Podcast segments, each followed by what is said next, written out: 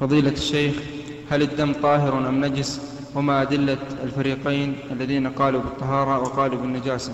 وما ترجيح شيخنا حفظه الله؟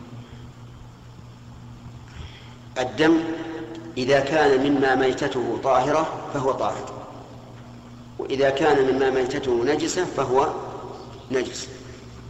هذا الضابط عرفت؟ فدم الحوت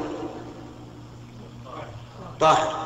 لأن ميتته طاهر. ودم الإنسان طاهر لأن ميتته طاهرة.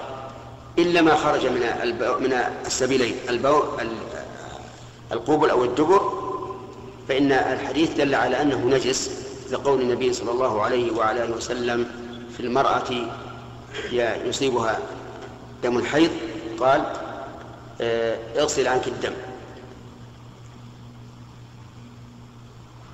نعم.